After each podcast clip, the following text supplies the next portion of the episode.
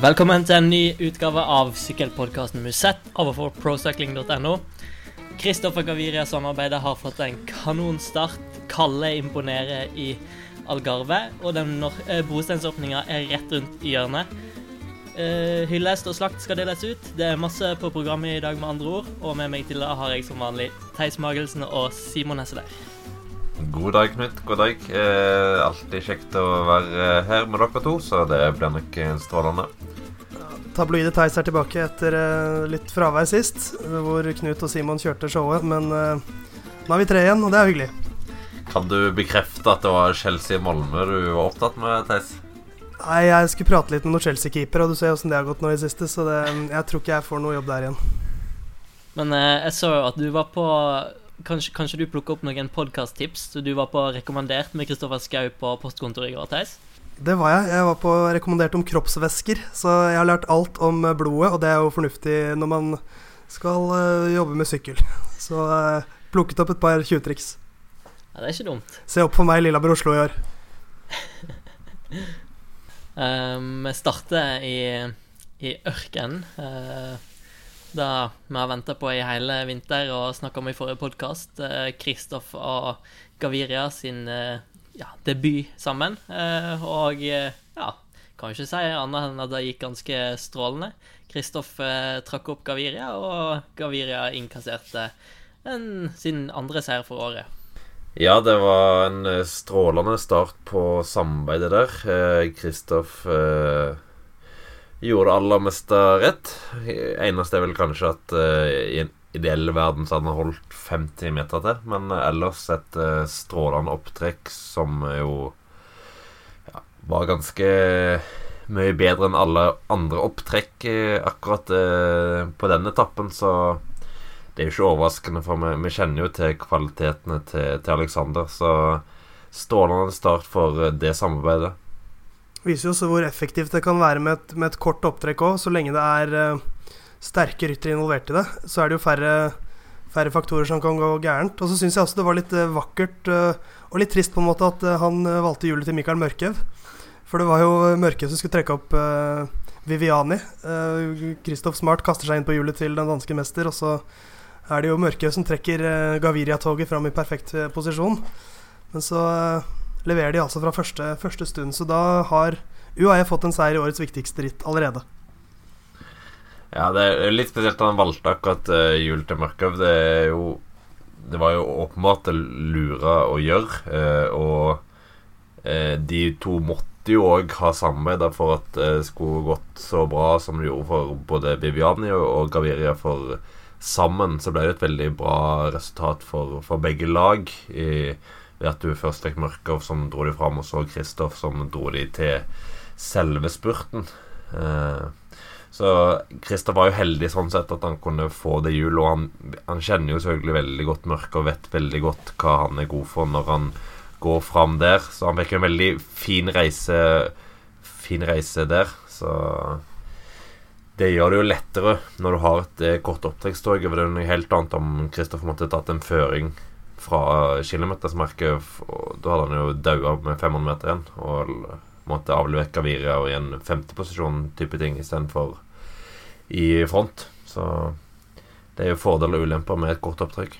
Um, er det her starten på et uh, ja, Hva skal vi kalle det?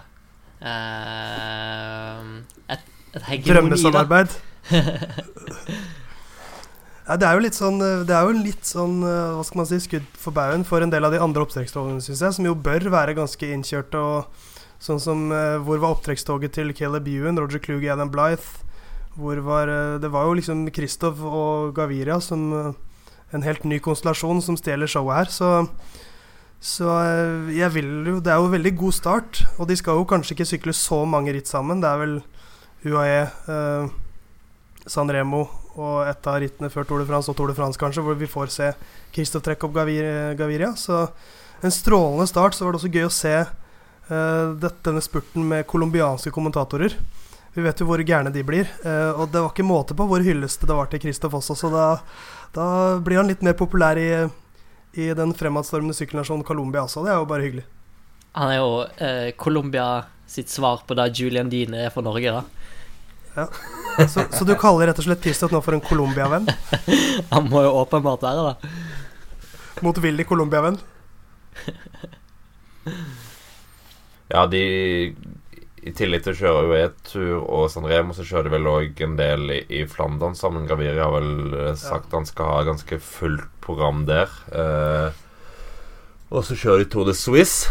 Den løypa ble òg klar i dag. Det er ganske lite spurtmulighet, egentlig. Der er det én mulighet, men som avslutter med en bakke på 100-200 meter, som ifølge Strava er på 10 Så det er jo bare å Ja, det blir et opptrekk inn i en sving. Eh, og én etappe som sannsynligvis ender i spurt, men som har en del stigning. De andre mellomharde etappene er for harde.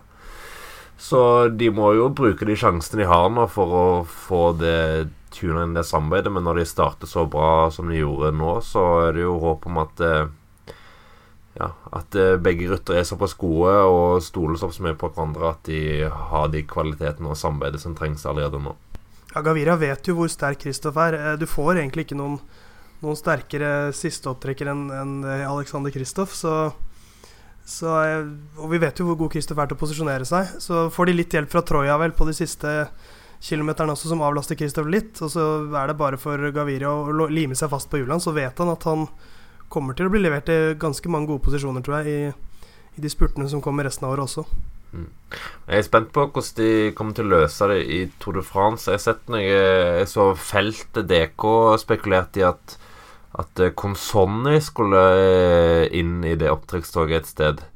Og da ville jeg da ville nesten jeg egentlig vurdert å ha Consonni som sistemann igjen, fordi Consonni fra for Kristoff er et veldig mismatch i opptrekk. Eh, men jeg vet ikke om han eventuelt skal inn, eller om det er den andre som skal inn.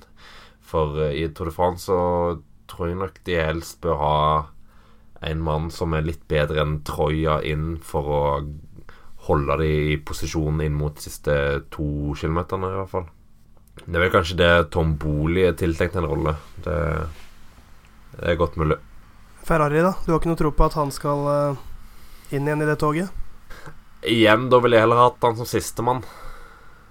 Uh, og det kan fungere. Kristoff tror jeg òg kan være en veldig god nest sistemann, men uh, han er nok aller, aller best som sistemann. Så ja, får, jeg er spent på hva konspirasjonen de ender opp med, for de kommer i hvert fall til å ha mer enn De kommer til å ha mer enn bare Christoph rundt Gaviria så, i Tour de France, så det blir interessant å se. Eh, det var ikke bare Alexander Kristoff som gjorde sine saker bra på den eh, første ordinære etappen av UAE Tour. Kristoffer eh, Halvorsen satt eh, fint plassert eh, og, og, leverte ganske godt med tanke på feltet, feltet som var rundt han, og spurte inn til en fjerdeplass. Eh, kunne det potensielt blitt bedre? Ja, jeg vet ikke om det kunne blitt så veldig mye bedre, for jeg tror nok de tre beste var de tre beste. For det er sånn. Men uh, han gjorde en veldig god, veldig god spurt, og først og fremst veldig god i posisjonsarbeidet, uh, hvor han jo er relativt alene. Har, har litt hjelp inn mot de siste kilometerne, men så er han alene på slutten. Eh, ser når Kristoff og Mørkøv går ut og starter opptrekket sitt og klarer å kjempe seg inn til en eh, Til å sitte på hjulet til Juen, som igjen sitter på hjulet til Viviani. Eh, så ja, i fjerde posisjon, og det er jo den posisjonen han holder inn. Så det viser jo igjen hvor eh, viktig posisjonering i en spurt. Og det er veldig viktig å knekke den nøkkelen framfor det å holde på å spurte veldig bra, men spurte fra en håpløs utgangsposisjon. Så jeg, syns det var veldig positivt uh, av, av Halvorsen.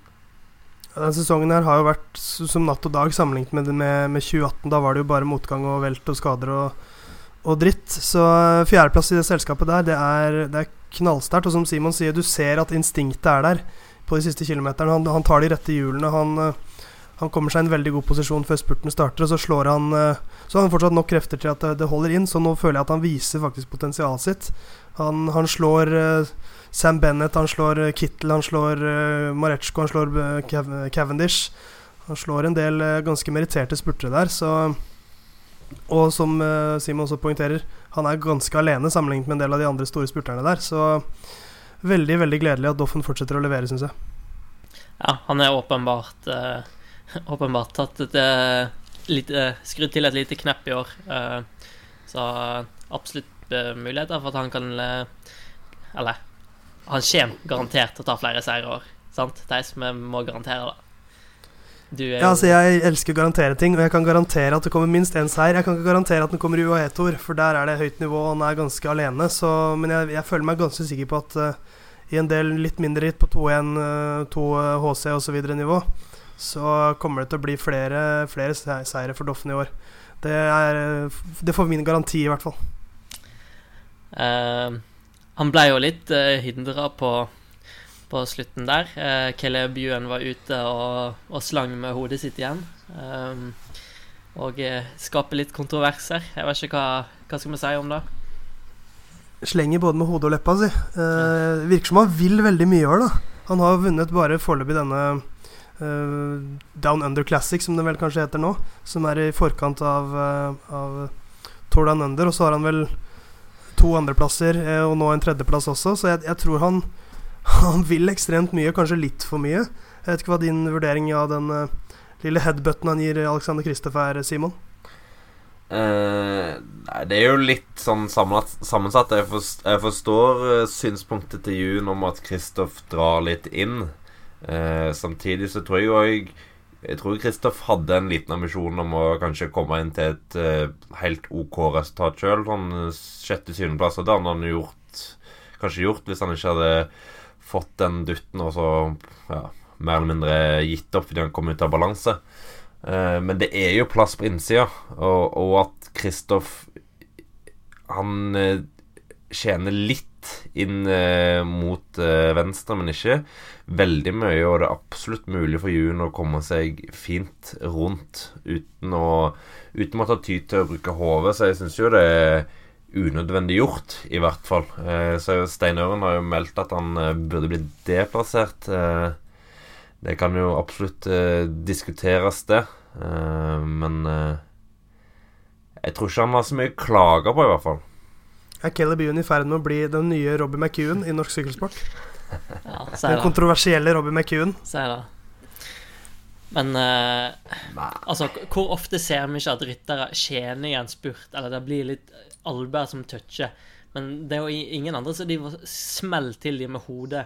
Altså, det virker som han automatisk Eller det er en tendens da til at når han eh, ikke får det som han vil, da, for så er det sånn, så smekker han til dem med, med hodet. Eh, det er god plass på innsida der. Kristoff tjener litt, ja. Eh, men den linja til Kristoff er jo for så vidt helt rein, eh, og han gjør ingenting galt i måten han slipper seg bakpå. Så jeg synes det er dumt at UN skal begynne å dunke til folk med hodet hver gang han havner i sånne situasjoner. For før eller senere så skjer det ulykker. Jeg tror, er, jeg tror, det er, mye frustrasjon. Han har jo hatt uh, jeg, jeg, tror det er det at han, han, vil veldig gjerne begynne å vinne igjen. Det er jo Han har ikke fått sykla en Grand Tour på en stund. Det var jo i 2017 Giroen som var forrige Grand Tour han syklet. Uh, I Michelin Scott i fjor gikk det ikke så bra. Blei bare tre litt, uh, litt, mindre seire. Så jeg, jeg tror nok det er litt sånn høye skuldre, litt stress, litt, litt press kanskje han føler på. At han må levere og har veldig lyst til å vinne. Og da går man kanskje litt for langt av og til.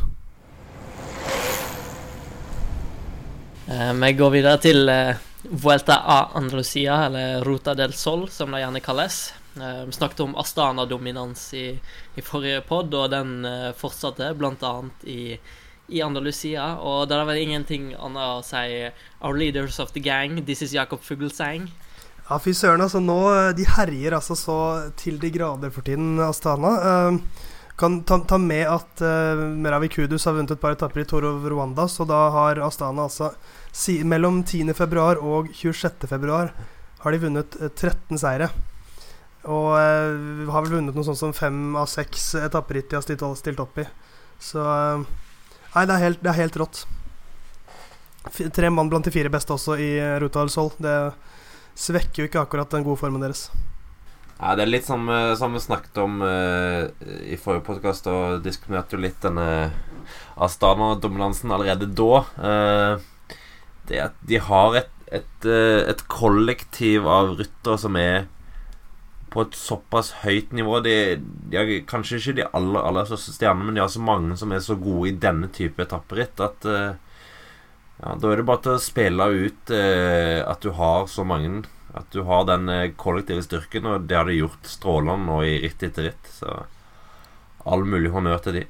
For Det er et veldig godt poeng det du sier der, Simon. At det er så mange forskjellige. For det begynte jo med Johnny Sagirre, som vant i Valenciana. Luis Leon Sanchez uh, vant Vuelta Morcia. Uh, Lopez, vant, Lopez Superman beklager, vant Colombia 2-1. Uh, eh, Gorka Isagirre vant Tour de la Provence. Lutsenko vant Tour Voman.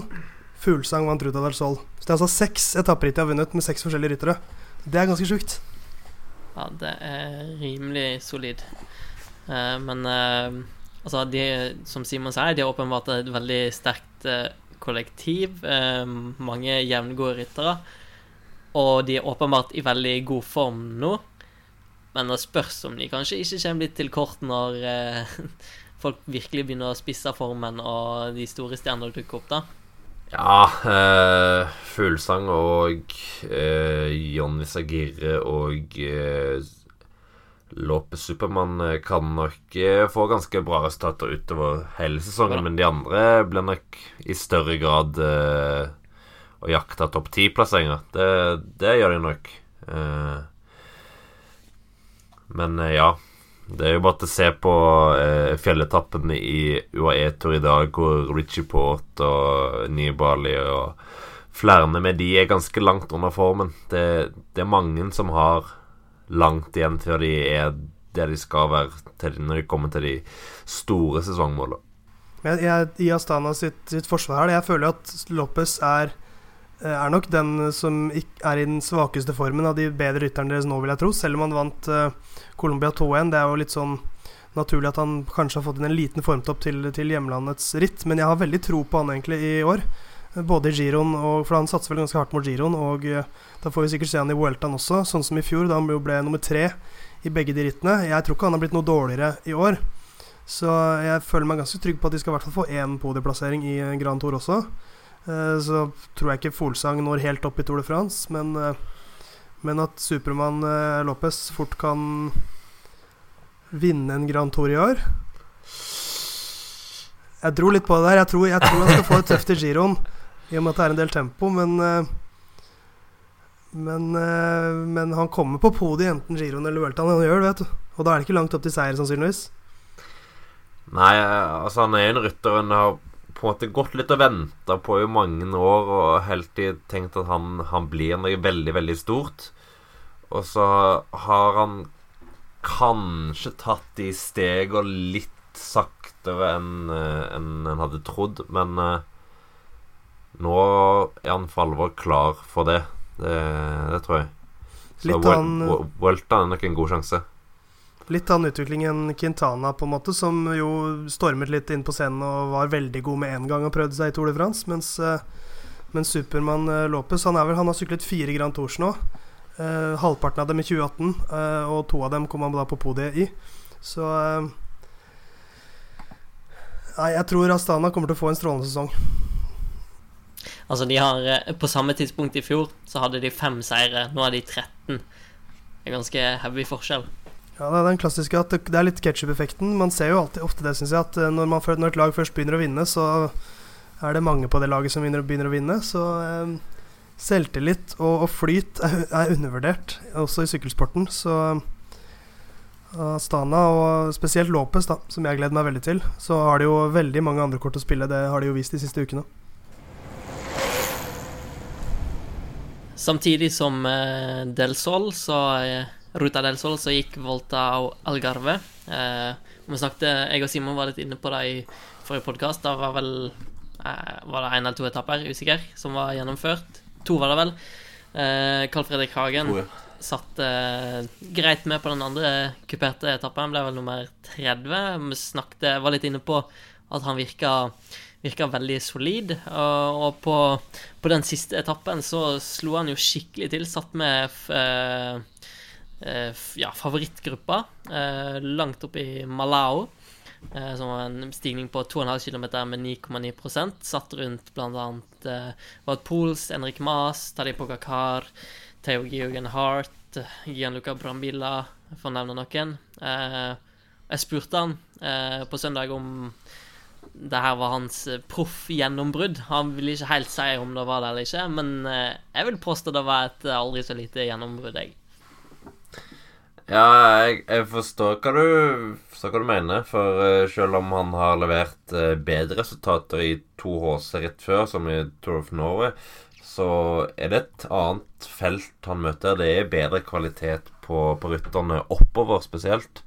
Så absolutt veldig, veldig bra å henge med uh, så bra. Og det er noe annet å på en måte gjøre det òg i, i, Lotto enn i, enn i Joker. Det er nok litt annen type press på deg, vil jeg anta. Og for ikke snakke om eh, Altså, én ting er jo at eh, Tour of Norway er HC-ritt, men der har du fire relativt enkle etapper og én tøff etappe. Mens her har du hatt eh, fem ganske tøffe etapper. da. Ja, det er jo, det er et mye hardere ritt. Eh, bedre, større bredde i startfeltet også. Han slår eh, bl.a. Eh, Volta Portugal-legenden eh, Raúl Alarcón. Så eh, det er mange store sykkelnavn han, eh, han overgår her, Kalle. Så du ser når han eh, trekker fram slitegenet i seg. Han er jo en sliter, så, så jeg tror dette også er bra for hans posisjon i, i Lotto Sodal. Han eh, viser at han eh, holder et nivå som er bedre enn de fleste førsteårsproffer.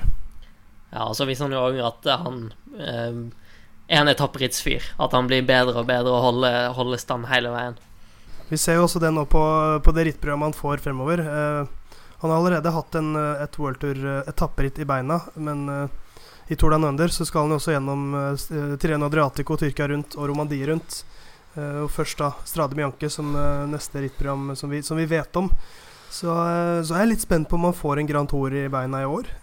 Eller om det kanskje først skjer, skjer neste år, for jeg tror han har taklet den utfordringen ganske godt. Jeg tror de sender han til Vuelta, jeg. Ja, det er jo det som er aktuelt, i så fall. Så det er nok en god mulighet for at det skjer hvis, hvis han responderer bra måte, på selve proffsesongen. Det er jo tross alt et uh, utvida rittprogram, så hvis han responderer bra på det, så regner jeg med mulighetene hans er gode for det. Uh, en annen som fikk et uh, slags gjennombrudd, definitivt gjennombrudd kanskje, var vel Definitivt gjennombrudd. Ja. Ta deg Pogacar Poga, Poga, Nå gikk det helt i surre. Pogacar, det er riktig. Det tror jeg stemmer. Ja. Pogacar. Uten at jeg er helt uh, stålkonge på slovensk, så tror jeg det stemmer ganske godt. Ja. ja. Han, han, leverte virkelig virkelig varene. Han vant da den andre etappen nevnt i sted, der Kalle ble nummer 30. Uh, slo Wout Pauls, Enrik Maas, Sam Omen, eh, og på og han forsvarte seg kjempebra på, på tempoen. Ble nummer fem der, bare 17 sekunder bak vinneren Stefan Kyng. Eh, og ja, han holdt stand hele veien, rett og slett. 20 år gammel.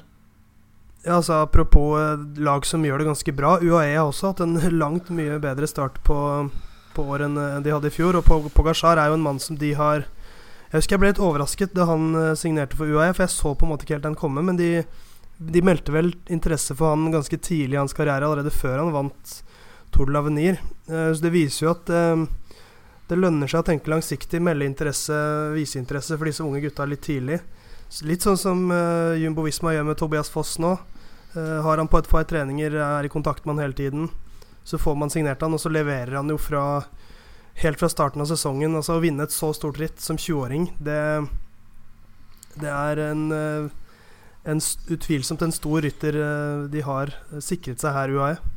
Ja, absolutt. Jeg ble ikke så overrasket at han klatra så bra, men at han sykla så bra på den tempoen, det, det, det ble jeg veldig, veldig overraska for. Han eh, var ikke kjent for å være en ekstremt god temporytter fra U23-klassen. Eh, leverte helt OK, men ikke noe, ikke noe flashy, akkurat. Så, og da plutselig være nummer fem i en eh, relativt flat tempo i et, et ritt som Algarve, som tiltrekker seg eh, ganske bra med gode temperaturer, det er mye bedre enn det jeg hadde trodd. Og spesielt å være så tett på eh, ryttere som Kyng, Krage Andersen, Lampert, Mullen. Altså det, det er gode, gode temperaturer. Så ja Det er vanskelig å se Det er ikke så mye som begrenser han lenger, tror jeg. For nå Nå er han på godt nivå på alt han gjør. Han må, tatt en enorme steg, for jeg ser på resultatene fra Tempo-EM for U23 i fjor. Eh, der ble han altså nummer 16, 1.36 bak Eduardo eh, Affini, og nivået er jo atskillig høyere på tempoen i Algarve enn i U23-EM.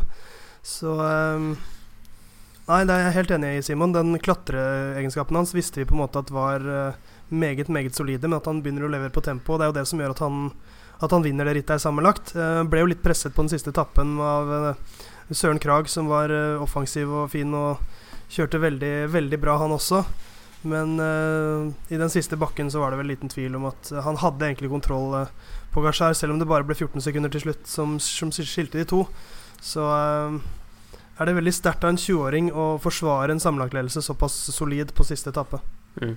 Og ja, Søren Krag Andersen gikk jo av gårde med ja, 25 km etter mål eller noe sånt, eh, og de fikk vel over ett minutt, den gruppa hans, på et tidspunkt, og så ut som skulle, de skulle holde inn og han skulle ta, ta sammenlagtseieren i rittet. Eh, men Pogacar sa jo i, i seiersintervjuet så spur, spurte de han om han hadde blitt stressa, og så sa han eh, nei, jeg, jeg stolte Eller jeg hadde, jeg hadde full tro på at lagkameratene mine hadde kontroll, så virker som en han, han virker som en type som har eller, er flair, et godt uttrykk.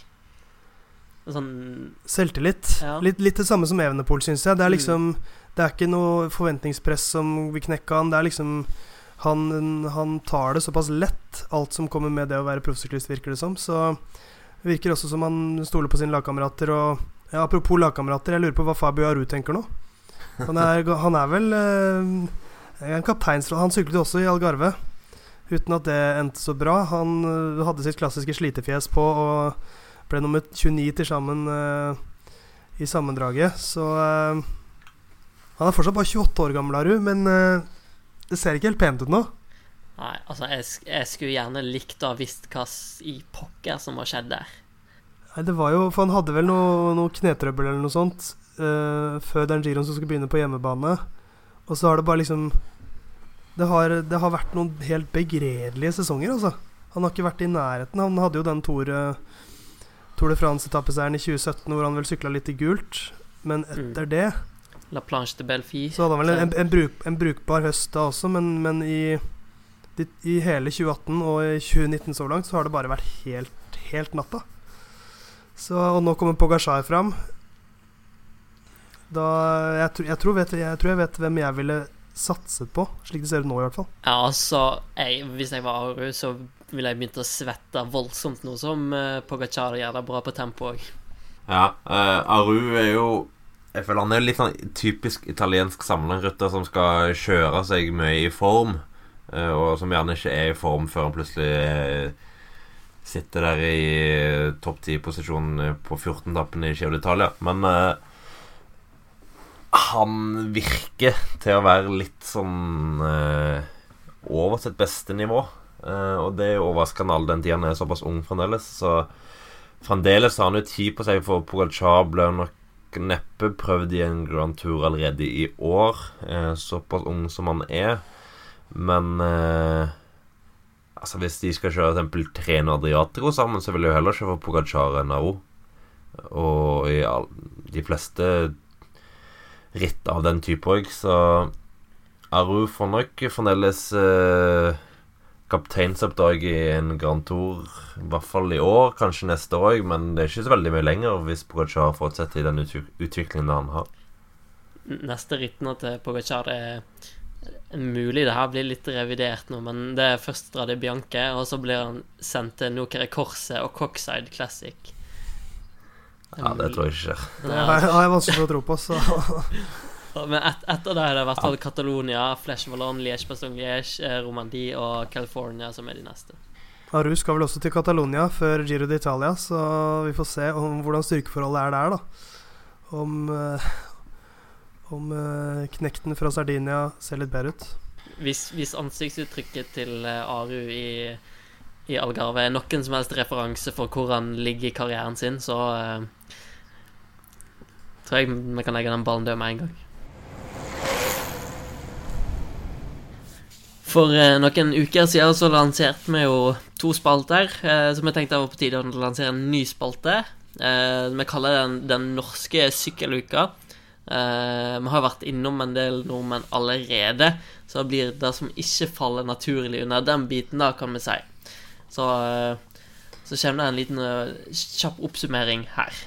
Ja, eh, vi nevnte jo så vidt Stine Borgli nå i, i an, anledningen av omløpet i Newsflood, men hun var jo òg med på et landslag som kjørte Setmana Ciclista Valenciana her i forrige uke. Et spansk 2-2-ritt. Så ikke sånn utgangspunkt, ikke så høyt nivå, men startlista var rimelig bra, må man kunne si, med ja, Leppestø, Riviera eh, Ashley Moolman, Ludvig Utrup uh, Utrup Ludvig, mener jeg. Eh, så ganske bra. Ganske mange eh, med flere. Eh, så der tok Stine Borgli niendeplass på både første og fjerde etappe. Eh, det Hun gikk ut i Sandnesposten og sa at det var noe av det beste hun har gjort, så det må vi vel kunne si at det var det òg. Det var veldig bra To veldig bra resultater der på de to ene mellomharde etappen og ene spurtetappen. Og så hadde vi Katrine Aalrud òg, som leverte bra på de kuperte etappene. Hang med på den uh, første uh, og ble nummer ni på den toppfinishen. Eller det var vel fem kilometer utfor uh, fra, fra, toppen, men hang med det og ble nummer ni. Uh, vunnet av Clark Koppenberg med Ashley Moonman på andreplass. Eh, slo Cecilie Yttrup Ludvig faktisk med en 20 eh, sekunder. Så Katrine Aalerud òg bra i gang med sesongen. Det var jo sesongdebuten for eh, alle de som var med her. Eh, det var et norsk landslag bestående av Aalerud, Moberg, eh, Borgli, Line Marie Gulliksen, Ingrid Moe og Inger Lovik. I tillegg til at Susanne Andersen kjørte for eh, for. Hun har levert et uh, ganske ok ritt for, uh, for, sitt nye lag. Gjorde en jobb for uh, Corinne Rivera som ja, kanskje ikke dokumenterte superform, men hadde et par bra etappeplasseringer.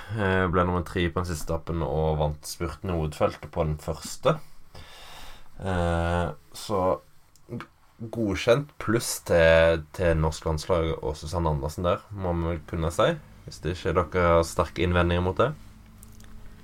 Nei, jeg syns det er det, er det jeg ville sagt, det er godkjent. Uh, så jeg har lyst til å rette litt ekstra fokus på Katrine Aalerud, som jo hadde en veldig vanskelig 2018-sesong. Uh, som begynte ganske, ganske dårlig, i hvert fall med Strade Bianche, DNF og Var det Jamstel hun veltet, vel? Ja. ja. Nei, skulder Nei, et eller annet. Ja, og så var det jo ikke så mange ritt, selv om høydepunktene egentlig var ganske bra. Så, så er jeg veldig spent på Katrine Aalerud i år. Og at hun begynner såpass bra med en tolvteplass i sammendraget i, i et brukbart startfelt, det syns jeg er veldig lovende. Så jeg gleder meg til å følge henne i år. Absolutt. Um, og så videre litt uh, frem mot helga så er det sykkelritt på Rådos. Eh, og der vi har en veldig solid bunke norske ryttere til start, Simon. Ja, vi har eh, rundt 30 eh, ryttere. Uno X til lag, Joker til lag, Oslofjord har et lag, og Bygde har et lag. I tillegg til stiller òg Sappi, så det er mulig at det er et par norske innslag. Uten at jeg vet startlista deres. Men eh, de stiller jo eh, med sterke lag, de norske lagene. Eh, Uno X har i hvert fall med Skjerping, eh, Skåseth, eh, Resell og Holgård, så jeg husker. Og så eh, sendte jeg en melding til Jølberg her før i dag for å få laget til Joker. De stiller med Herman Dahl, Henrik Evensen, Fridtjof Røynås, Ole Forfang, Ludvig Holstad, André Andres Wangstad, Bjørn Til Hoem. Så det er jo sterke lag som de to kontinentallagene kommer med her. Eh, altså Oslofjord stiller vi bl.a. med Ivar Knotten, Jon Anders Bekken og Ken Livi Eikeland, så der har jo òg erfaring fra kontinentalnivå. Mens eh, Bygde har eh, ja, eh, Jon Breivoll, Jonas Ellingsen, eh, Eirik Bruland, Asbjørn Madstuen og eh, et ganske bra lag. Anført av kaptein Magnus Drivenes, da, selvfølgelig. Shout-out til Magnus.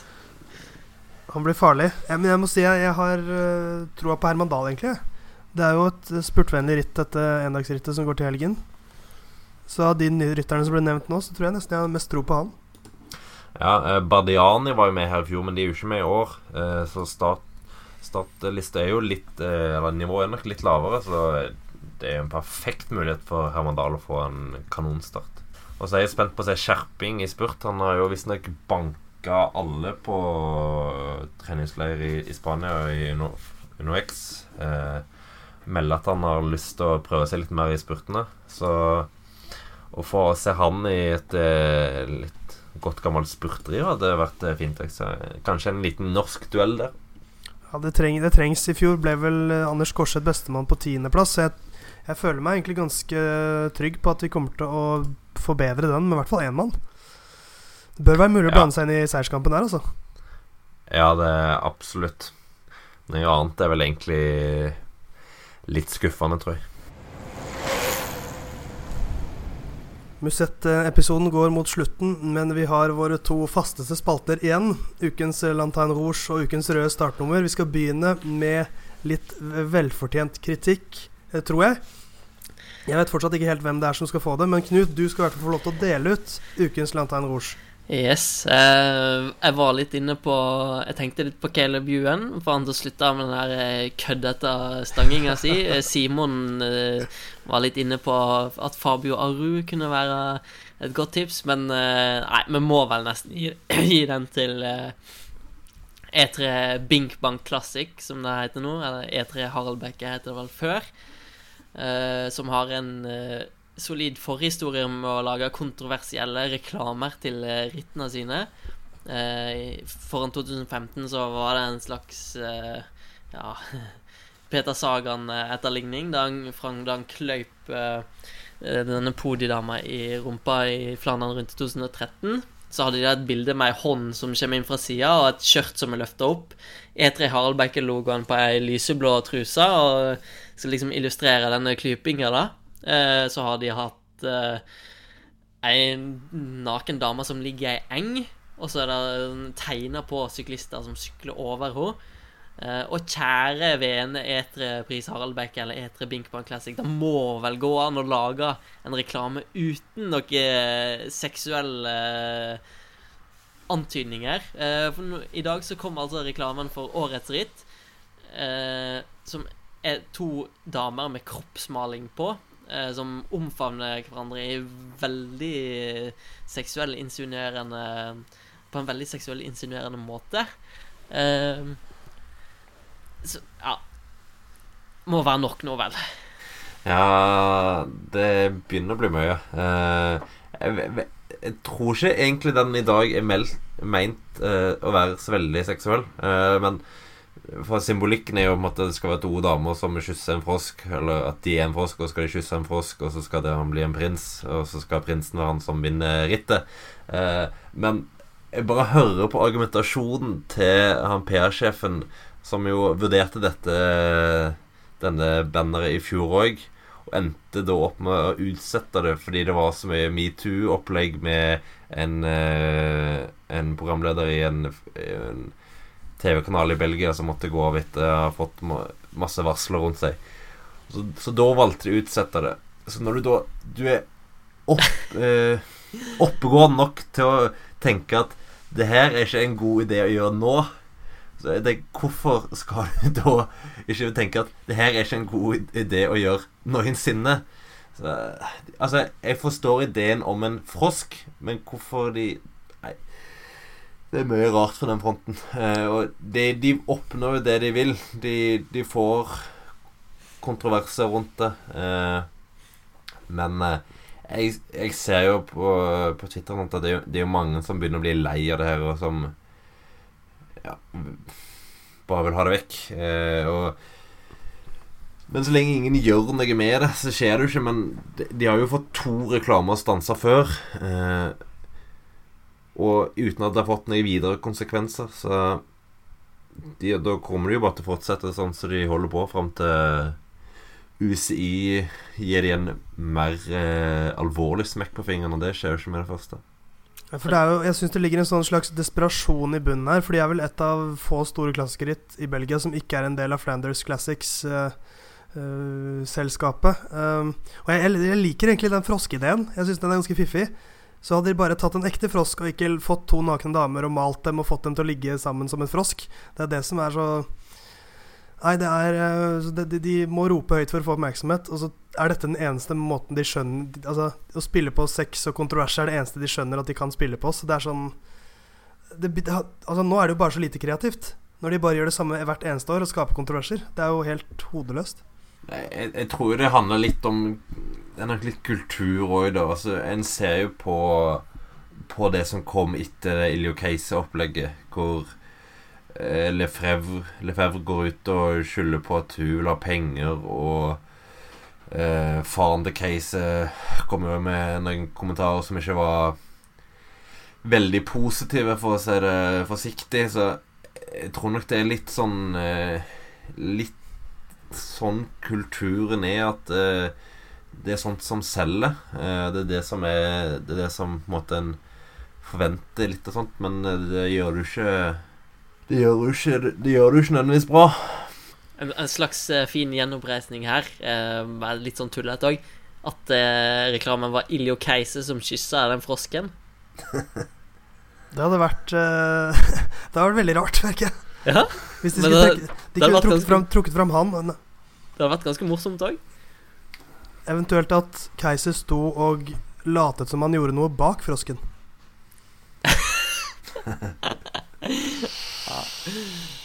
Da Vi får svinge videre til, eh, til Simon, da. Så se om han klarer å piffe opp stemning, stemningen litt her.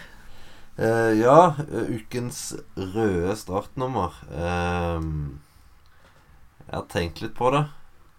Som eh, jo er fornuftig når en eh, får utdelt oppgaver. Eh, jeg syns det er litt vanskelig å velge, men jeg, jeg er veldig glad i, i lagprestasjoner og sånt. Eh, Sånn så jeg Forrige gang jeg ga et rødt startnummer, så ga jeg det vel til Petter Sagan for, eh, for innsatsen hans i Volta San Juan. Eh, og nå gir jeg det til egentlig et kollektiv av Mitchelton Scott-ryttere Eh, som eh, jobba veldig bra i Ruta del Sol, eh, hvor spesielt på den eh, første etappen som Matheo Trentin vant, det var vel den andre eller tredje etappen, eh, hvor Simon Yates i flere mil lå i front av feltet og taua.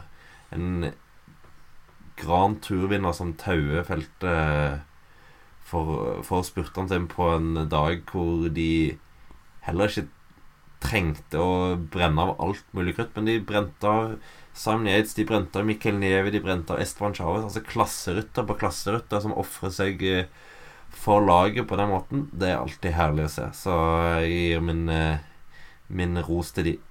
Jeg liker det. det. Det så man jo også litt på, på den siste etappen som Trentin også vant, at eh, Esteban Chávez også var, var en av de som, eh, som jobbet for, eh, for spurteren. Så det er alltid gøy når, når kapteiner og ryttere som eh, har vunnet veldig mye stort, eh, også viser at de kan være lagspillere. Så Michelin Scott har jo hatt en Virker som de har en, fortsatt en god, god lagfølelse innad i laget sitt. Et av de lagene som virker som de har det gøyest sammen. Og det er jo en undervurdert kvalitet, tror jeg. Så fortjent skryt til dem også, syns jeg. Stiller meg bak den. Liker, liker at Simon finner litt sånn annerledes innfallsvinkler. Det er godt. Da har vi sittet her og jatta ganske lenge. eh, Litt i overkant lenge. Eh, Du nevnte jo i introen at vi skulle snakke, snakke litt om brosteinsåpninga. Men vi fant ut etter hvert at eh, hva med om vi splitter podkasten opp i to biter, så får det eh, bit nå, tidlig i uka, om, eh, om UAE og Ruta del Sol, Algarve og, og sånt som dere har eh, hørt på nå. Og så eh, slipper vi en eh, brosteins, liten brostensspesial mot, eh, mot slutten av uka, rett før Eller mot, ikke mot slutten av uka, men eh, rett før helga. Vi gjør det eh, med deilig brosteinsprat. Det, det var eh, Det er mye å glede seg til. Eh, vi analyserer eh, mer eller mindre med kompetanse, så får vi se om vi treffer eller ikke. Brostein er alltid herlig, vet du. Så nå gleder jeg meg bare til lørdagen. Satt av hele dagen. Ja, jeg òg har, har fri, så det blir deilig. Eh, en annen ting jeg gleder meg til, er jo selvfølgelig at Theis er tilbake med sin plugg. Vi, rodde oss jo så godt vi kunne gjennom den sist, eh, Simon, men eh, det er vel greit å overlate spakene til Theis igjen. Ja, vi må la de som eh, er dyktige på det her, gjøre jobben sin. Det er eh, flott at tabloide Theis kan skinne en gang iblant, han også. Eh, Det er jo hoved, Hovedgrunnen til at jeg fortsatt er med i Musett, er jo at jeg kan, jeg kan selge ting. Så du som sitter der hjemme og hører på, jeg håper du har kost deg. Vi syns det er veldig gøy i hvert fall å lage denne podkasten. Og syns det er veldig gøy også å se at vi klatrer litt på listene til iTunes. Eh, Så gå gjerne inn der, abonner på podkasten vår, last oss ned, og sleng gjerne inn en rangering. Gi oss eh, fem stjerner, skriv gjerne en kommentar også. Da blir eh, både Knut, Simon og jeg veldig glade. Så last ned, ranger og abonner. Så eh, ja kan- jo følge opp litt på iTunes-rangeringa, da. Eh, det er en der som foreslår at du bør høre på oss i halvannen eh, avspillingshastighet, som jeg kødda litt med i starten av forrige episode. Så kan jo folk prøve da å sjekke hvordan det går. Jeg vet ikke om det to har sjekka hvordan det høres ut. Jeg har ikke det, men jeg syns ofte det er gøy å høre på podkaster i halv hastighet, for da høres det ut som man er, går på et eller annet tyngre stoff. Så jeg vil anbefale det isteden. Hør på oss på halv hastighet hvis du har lyst til å le litt, for det tror jeg blir ganske morsomt, faktisk. Det høres ut som jeg går på stoffer med halvannen hastighet òg, for å si det sånn. Det er bare litt andre stoffer. Ja. Jeg, jeg vet ikke hva du har leflet med, Knut, men det, jeg har ikke vært bortpå sånt. Enda, i hvert fall. Uansett uh, Tusen takk til eh, alle som hører på podkasten. følg gjerne Theis uh, sin appell. Eh, og så må du òg sjekke, sjekke ut procycling.no på Facebook og Twitter. Følg oss der for ferske oppdateringer fra sykkelverden. Eh, sleng òg gjerne inn en eh, like på Facebook, Musett sin side der, eller følg oss på, på Twitter. Eh, vi er ikke så veldig aktive der, men vi bør kanskje prøve å være litt mer aktive. Eh, da hjelper det veldig om folk følger oss, i hvert fall. Og så abonner på podkasten, og så høres vi igjen ganske snart. Fem år siden lå på sånt i Avenir. Mm. Han var fortsatt bare 25, er han ikke det, Lopez? Ja. Climbing fast is his plan. Ah, hvorfor sa jeg ikke det? Da jeg drev og hyllet han.